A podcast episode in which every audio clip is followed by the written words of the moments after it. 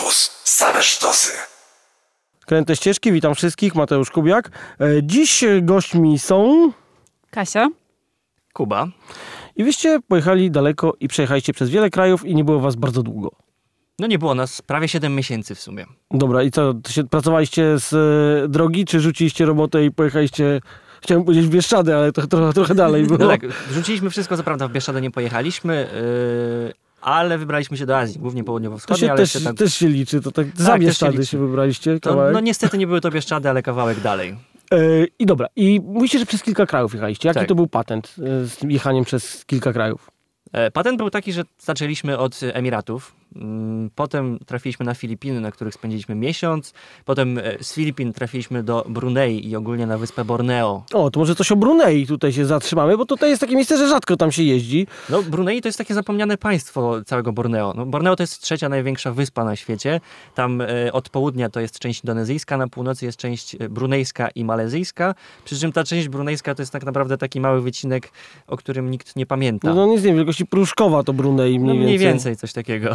No ale za to e, poziom życia nieporównywalnie większy niż w Pruszkowie. Tak, myślę, że zdecydowanie większy. No, można to chociażby po tym pałacu sułtana Brunei Tak? zobaczyć. I To rzeczywiście takie przegięcie z bogactwem. E, No, mają rozmach, trzeba przyznać. Rozmach. tak.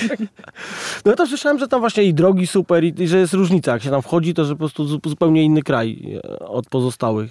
E, Rzeczywiście no, jest tak, tak, tak, tak to widać? Jest różnica, bo nie byliśmy na tej stronie indonezyjskiej na południu, ale zaraz po Brunei po, pojechaliśmy do Malezji. No to faktycznie jest różnica pomiędzy tą malezyjską a brunejską stroną i tam e, no, widać ten poziom. Co prawda wyobrażenia są trochę inne, no bo wydaje się, że to jest najbogatsze państwo w rejonie i tam e, wszyscy są obłożeni złotem. Do końca tak nie jest, aczkolwiek e, drogi są w porządku i, i sam poziom życia, dostęp do wszystkich dóbr nie jest w żaden sposób ograniczony.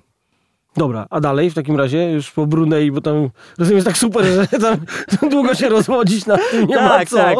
Nie no, można się jeszcze porozwodzić na przykład na temat y, ludzi w Brunei, bo ogólnie zaplanowaliśmy sobie tylko na to państwo dwa dni, bo jest okrutnie drogo. Tak, jest taki... Tak, jest, jest naprawdę okrutnie drogo w A Brunei. taka to Skandynawia? E, mniej więcej. Tak? Coś, tak? coś jak Singapur. Zresztą e, dolar singapurski jest wymienny na e, dolara brunejskiego. Mhm. No tak, bo Singapur był chyba najdroższym krajem do tej pory w Azji, jaki słyszałem, bo tam tak skacze tak, od razu. Tak, tak. To porównywalnie do, do Singapuru. Zresztą ta waluta jest wymienna, tak jak mówiłem wcześniej. Więc tylko dwa dni byliśmy, ale ludzie są naprawdę w porządku, bo nawet jak e, nie chcieliśmy łapać stopa, to stop łapał nas. I ludzie zatrzymywali się i pytali, czy nie trzeba nas gdzieś podwieźć. Zupełnie za darmo. Yy, I co, i co, ale w ogóle tak, yy, bo, bo dlatego, że turyści, że pogadają chętnie, jak to, to tak, tak po prostu? Myślę, że tak po prostu. Jak Aha. zobaczyli kogoś, kto no, widać, że nie jest stąd, to może warto by było z nim porozmawiać albo po prostu mu pomóc. To super ludzie, Tak. jednym słowem. No dobrze, i, i gdzie dalej generalnie jeszcze, jeszcze ten, bo rozumiem, że e, jechaliście taki e, ok, okrąg, czy tam półokrąg, żeby dojechać do konkretnych krajów, tak? E, tak, no, ale jeśli o samo Borneo chodzi, to tam trafiliśmy głównie dlatego, żeby spotkać naszych rodaków, czyli nosacze sundajskie. O właśnie, no, nosacze, to powiedzmy sobie coś o nosaczach, bo to... E, nasi rodacy to jest gatunek endemiczny, który występuje tylko na Borneo, więc tam głównie trafiliśmy. Czy E, może ktoś nie wiedzieć, co to jest nosacz? To jest ten taki, ta, ta małpa z tak memów. Małpa Polak z memów, Małpa dokładnie. Polak, tak. Myślę, że teraz wszyscy będą wiedzieć, o kogo chodzi. Tak, to jest, to jest coś takiego. tak. E, I on, nasi rodacy są największą mniejszością e, na Borneo. Tak. Znaczy tutaj powiedzmy sobie, że na przykład y, było silne parcie na zoo w Warszawie, żeby nosacze mieszkały u nas, ale one jakichś strasznie y, specjalnych warunków potrzebują i wtedy nie one jest ich tak łatwo trzymać. One są Y, tylko na Borneo, więc myślę, że to też o czymś świadczy, że w Warszawie wszyscy by chcieli, ale mogłyby się nie przyjąć. Bardzo w porządku. Czy mentalnie. Mentalnie tak, bardzo w porządku. Są bardzo spokojne, można do nich podejść w miarę blisko, ale też oczywiście bez przesady. I lubią dużo plażować. Bo my trafiliśmy w Malezji do takiego parku narodowego, co się nazywa Bako, tam tych nosaczy jest całkiem sporo. I chcieliśmy na siłę ich zobaczyć, od razu tam przyjechaliśmy, no i gdzie są nasi rodacy, gdzie jest rodzina, gdzie, gdzie, gdzie wszyscy się pochowali, a potem się okazało, że nic na siłę. I jeśli posiedzi się chwilę na tej plaży, która tam była, to one Ale mogą tam się się pojawić. bratają z ludźmi, nie wiem, chcą ci ukraść coś, ten, czy, nie, czy nie, nie, są aż takie... są przeciwieństwem makaków, które Mhm. są również na tej wyspie w tym parku narodowym. I jak makaki to są najgorsze małpy na świecie i w ogóle jakiś przypadek matki natury, okradają wszystkich i terroryzują całą wyspę, to nosacze są zupełnym przeciwieństwem i, i są takimi spokojnymi Polakami. No dobra, i co? I tam, tam jest, y, one są w parku sobie narodowym, żyją i tam, tam jest y, tylko tam, rozumiem, i pewnie jest ich mało całkiem, tak? E, Właśnie nie do końca. Można też spotkać nosacze y, dzikie. Akurat Tak? w Brunei, jak byliśmy, to mm, pojechaliśmy łódką i tam nas pan nam pokazał nosacze na drzewie. Ale mm, w, po malezyjskiej części Borneo, tam w parku. tak, Czyli- W Brunei ciężej spotkać nosaczy, Słuchajcie, ale w najważniejsze Malezji- jest, że w dwóch miejscach są, to nie, nie jest najgorzej, nie? A, tak, na całej wyspie, co prawda, ale tam trzeba konkretnie wiedzieć, bo, bo w niektórych nie tak łatwo jest spotkać, tak jak to jest w Brunei właśnie. No i co tam na Borneo dalej, bo tam nie tylko nosacze żyją, ale tam też żyje dużo innych ciekawych zwierząt. Czy coś widzieliście też? Ale to jest coś ciekawszego na Borneo oprócz nosaczy? A, no nie, no, Nie, no. faktycznie nie ma, no to, to, to ja bym też tylko po nosacze pojechał. Ale coś przypadkiem, nie wiem, może na ulicę wyszło, albo co.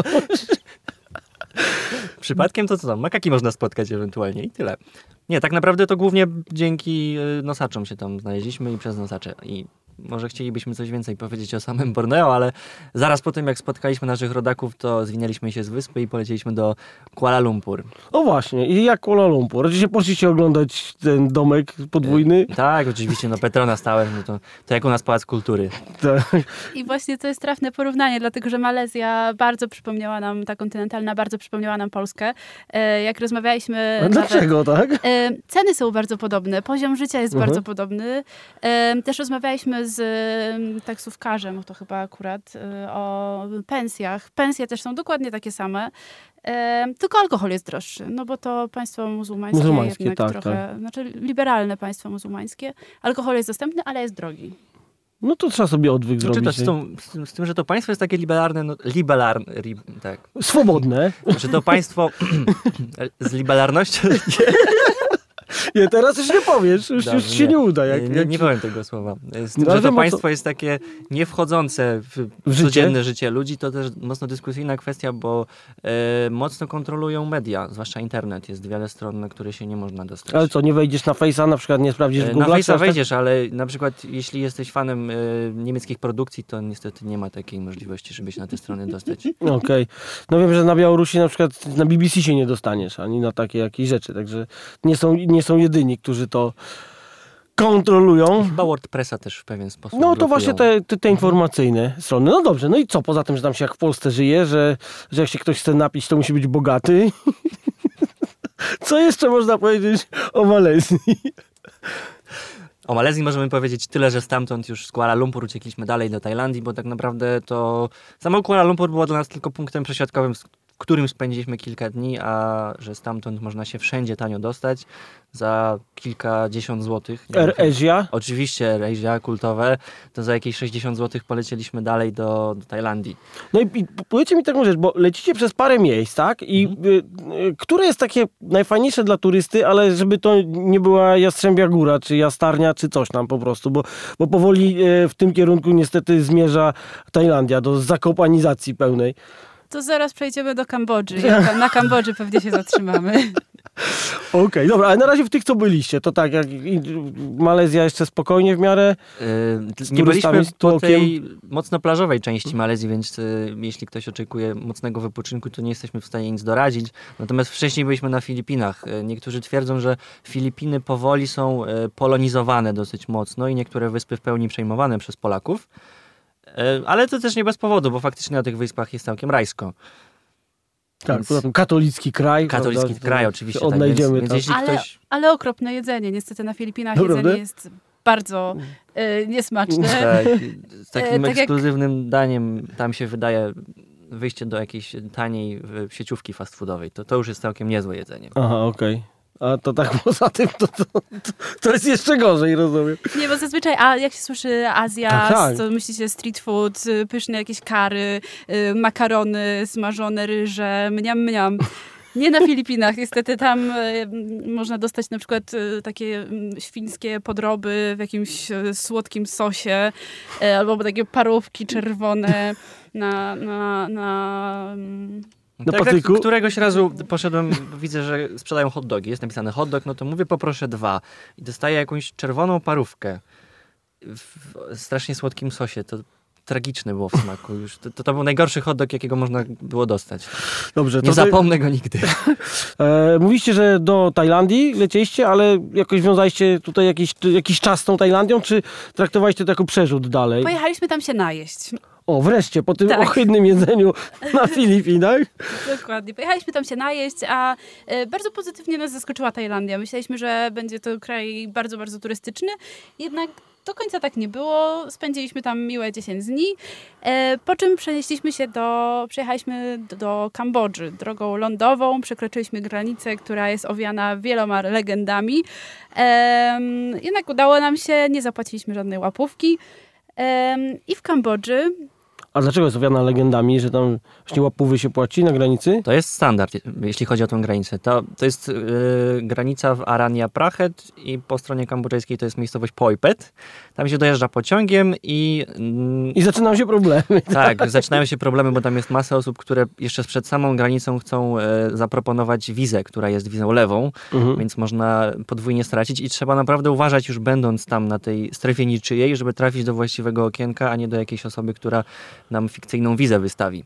Ale to też nie jest koniec problemów, bo panowie strażnicy graniczni mają odręcznie napisaną karteczkę, że za wizę, którą wystawiają tam, trzeba jeszcze dodatkowo zapłacić 20 zł od osoby. A na pytanie dlaczego tak, to twierdzą, że no bo to jest wiza na przyjazd, no to trzeba. Aha, okej, rozumiem. Znaczy nie rozumiem, ale, E, tak, ale no, tak jest. znaczy pokazaliśmy, że nie mamy pieniędzy w portfelu i udało się. To jest standard na ukraińskiej granicy. Też wytrzepywałem złotówkę z portfela symbolicznie wielokrotnie. Dobrze, no i co dalej? E, pojechaliście do Kambodży, która rozumiem była waszym już tym punktem docelowym, gdzie mieliście jechać. Kambodża z Laosem, tak? Dobrze pamiętam? przez Wietnam, tak. Wietnam. Em, ale jeszcze chciałabym zarekomendować Kambodżę jako bardzo dobrą alternatywę dla Tajlandii. E, w Kambodży na południu jest taka wyspa Korong Samloem, się nazywa. E, I mówi się, że to są kmerskie Malediwy. Bielutki piaseczek, em, ciepła woda. Zwierzęta pływające pod wodą. Zwierzęta na pewno też jakieś były. E, Plankton świecący w nocy O, można obserwować.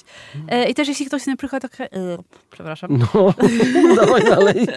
Tak, ogólnie życie jak w Madrycie jest na Korong Samloen. Jeśli ktoś chciałby wyjechać tam, żeby przemyśleć, co ze swoim życiem zrobić, to też jest dobre miejsce, bo tam jest masa hosteli, które przyjmują wolontariuszy. Dostaje się spanie, jedzenie i inne potrzebne I artykuły. masz czas na przemyślenia. Tak, wtedy. można w różny sposób przemyśleć, co dalej zrobić ze swoim życiem. W takich dosyć przyjemnych warunkach. Okej, no tak, to lepiej to niż w zakładzie poprawczym czy karnym. Tak, zdecydowanie tam są lepsze warunki. No dobrze, no i, i, i co dalej? Przez Kambodżę jechaliście e, W dalej? Kambodży kupiliśmy, zdecydowaliśmy, że nie chcemy już jeździć autobusami, e, bo to nas męczy i jest drogie i zdecydowaliśmy się kupić sobie różowy, znaczy nie różowy, jeszcze wtedy nie był różowy, zdecydowaliśmy się kupić sobie, przepraszam.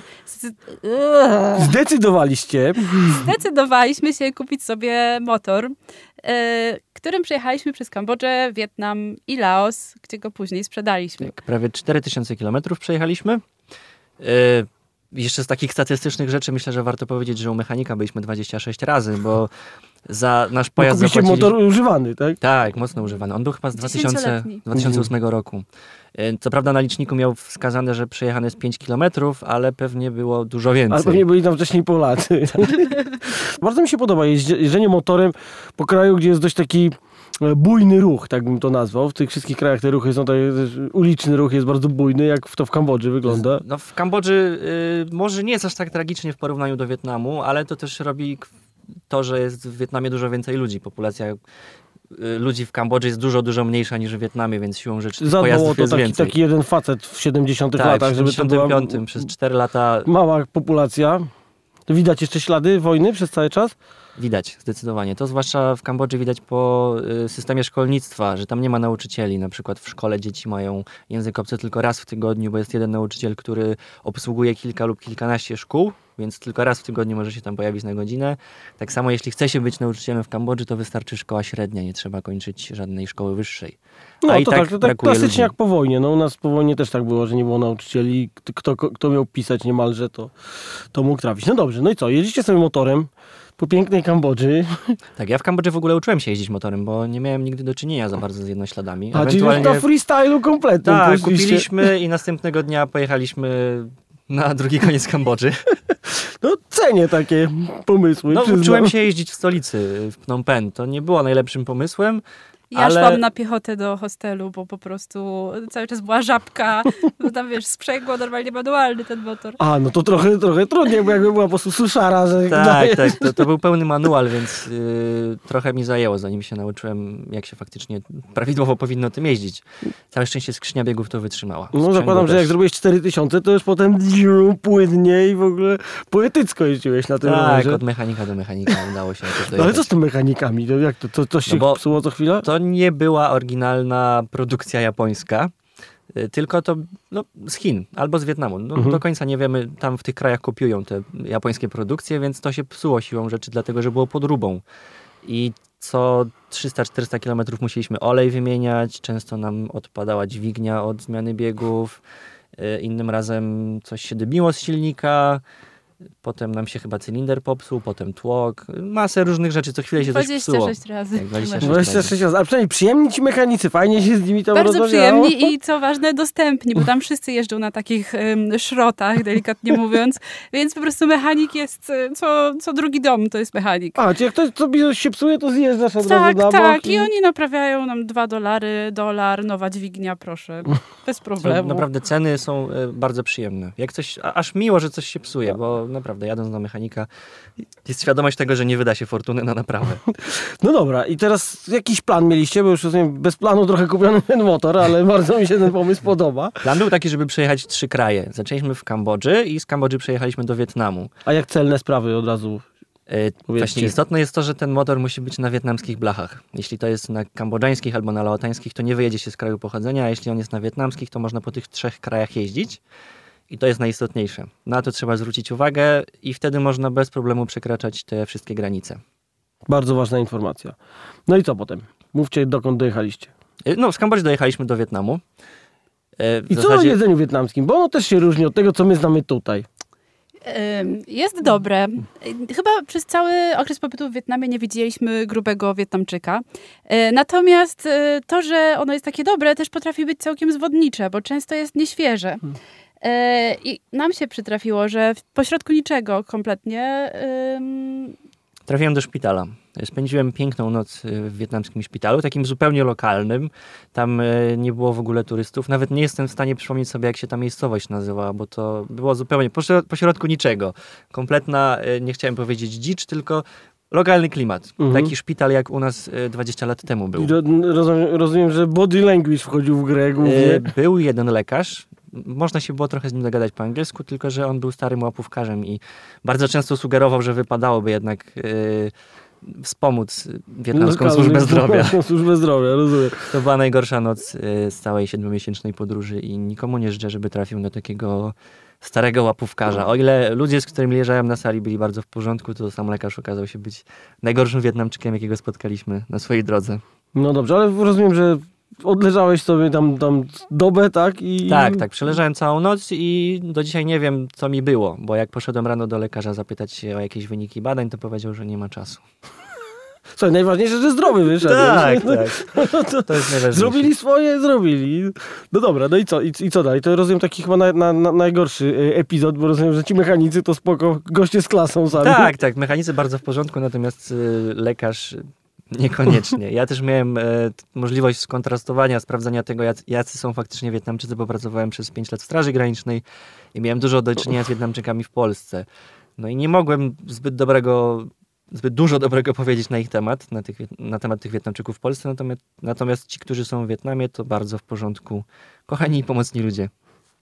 E, no i jak to wyglądało? Czy straciliście coś na sprzedaży motoru, czy, czy w sumie wyszło? No rozumiem, że pewnie jak go sprzedajecie nawet za tyle samo, to ten, po tym dolcu tam co doliczyć za każdego mechanika. Yy, nasz motor tak niestety już się zepsuł pod koniec, że stwierdziliśmy, że nie mamy serca, żeby sprzedawać go komu innemu, więc yy, sprzedaliśmy go panu, który skupywał motory za połowę ceny. Czyli kupiliśmy go za 250 dolarów, sprzedaliśmy go za 130 i uważamy, że bardzo uczciwie. No, chyba to się... Uczciwa cena. Finansowo byliśmy, tak, wspomnień. finansowo byliśmy stratni, ale no, wspomnienia są bezcenne. Ale zapomniałem zapytać, czy to był dwuosobowy, tak że śmieściliście dwie osoby spokojnie i co, jakieś plecaki Tak, zrobiliście mieliśmy sobie takie system? bagażniki z boku przy... Um, Przyspawane mieliśmy. Czyli na Polaka taką metodą trochę? tak, Dokładnie, tak. dokładnie. Zrobiliśmy trochę motor cargo. Świetnie. No dobre, no i, i, i ale cześć, bo do Laosu jeszcze. Nie, o Laosie nie opadaliśmy nic. Tak, dojechaliśmy do połowy Wietnamu i z y, centralnego Wietnamu wjechaliśmy do Laosu. I jeszcze był plan, żeby zahaczyć o y, północny Laos, potem zahaczyć o północny Wietnam, bo tam się nie, nie udało nam dotrzeć, ale w pewnym momencie w Laosie tak się popsuł, że stwierdziliśmy, że to już jest kres i więcej nie da rady. Stanął, zapłakał, że nie powiedział, że nie jedzie dalej, więc zrobiliśmy to, co było potrzebne, żeby go na chwilę wskrzesić, sprzedaliśmy i, i na tym nasza przygoda, najpiękniejsza z całej podróży się zakończyła. Uśmierciliśmy go w Wietnamie, nie w Wietnamie, przepraszam, uśmierciliśmy go w Laosie. Sam się uśmiercił tutaj. Tak. no i dobrze, i ten, e, i z Laosu gdzieś tam uciekliście dalej? Jak? Z Laosu uciekliśmy do Birmy, tam też mieliśmy taki chwilowy epizod motorowy, przejechaliśmy kawałek Nie no, że jak się nauczyliście jeździć, to tak, why to, not? to sobie wypożyczyliśmy i kawałek Birmy zwiedziliśmy. Potem trafiliśmy na Sri Lankę, do Omanu, no i z Omanu niestety już trzeba było przez Emiraty wracać do kraju. Ale to sobie taką dobrą tą wycieczkę zrobiliście jednak, przez parę krajów przejechaliście. No 12 czy 13 krajów udało nam się w sumie zobaczyć. A teraz mamy kolejny plan. Tak, słucham. Ten plan nazywa się projekt Tuk Tuk Odbyty. Jako, Mhm. że jesteśmy redakcją Podróży Odbytej, e, nasz projekt będzie się nazywał Tuk Tuk Odbyty. E, chcemy kupić tuk-tuka w Indiach. Tuk-tuka, czyli taką e, rykszę, trójkołowy pojazd. E, Też pomalować- motor Też dodajmy. motor, tak. Pomalować go na nasze, na nasze redakcyjne koro, ko, Kolorki. redakcyjne barwy, czyli na różowo i tym tuktukiem przejechać przez e, Indie całe. Planujemy z północy przejechać z Nowego Delhi do Madras, potem z Madras do Goa i z Bombaju dostać się drogą morską do Iranu tym tuktukiem, potem z Iranu do Turcji, z Turcji do Bułgarii, no i jesteśmy już w Europie. A, czyli chcecie go tutaj importować? Tak, tak, chcemy Tak, go tak. importować. Jesteśmy w trakcie załatwiania papierów. E, będziemy otwierać projekt e, crowdfundingowy. No to możecie tutaj powiedzieć, projekty crowdfundingowe są jak najbardziej mile widziane Tak, w tej tak. W przyszłym roku chcemy ur- uruchomić zrzutkę na tego tuktuka, żeby udało nam się zebrać na zakup i na transport. Yy, No, myślę, że sporą część też pochłonie przetransportowanie tego tuktuka z Indii do Iranu, bo nie ma możliwości, żeby wjechać z Indii do Pakistanu drogą lądową. No powiedzmy, że po prostu jest tak zwana kosa i to silna. Tak, w Kaszmirze to doskonale wszyscy wiemy, że jest kosa. Yy, bardzo byśmy chcieli zobaczyć Pakistan, zwłaszcza na tuktuku, ale no niestety nie ma takiej możliwości, więc za statek też A przepraszam, a w. Iranie to dziewczyny to mogą prowadzić, czy nie bardzo? Okaże się. No nie wiem. Dobrze, słuchajcie, to ja w takim razie zapraszam was, jak już będziecie bliżej tego wszystkiego tutaj e, do spotkania e, i opowiedzenia, jak tam wygląda projekt podróży jeszcze nie odbytej, ale e, planowanej e, tuk-tukiem. Tymczasem, e, czy są, macie jakieś miejsce, gdzie można zdjęcia zobaczyć z tych waszych podróży? Jak najbardziej. Zdjęcia można zobaczyć na Instagramie. Jak ktoś woli e, ruchome obrazy, to mamy też swój kanał na YouTubie. To, co można zobaczyć i gdzie zobaczyć, opisujemy też na swoim blogu, a nazywamy się Podróż Odbyta i tak należy nas szukać. No i to chyba tyle, jak będzie najprościej. Czyli tak, dzisiaj gośćmi była redakcja Podróży Odbytej w składzie. Kasia, I Kuba. i Kuba. I zapraszamy w takim razie, jak będziecie bliżej swojego wyjazdu. Świetny pomysł, przyjechać tuk-tukiem z Indii do Polski. Ja tam popieram. E, tyle, dziękuję. Kręte ścieżki, Mateusz Kubiak, pa. Pa. pa. Pa! Same sztosy. Radio Campus.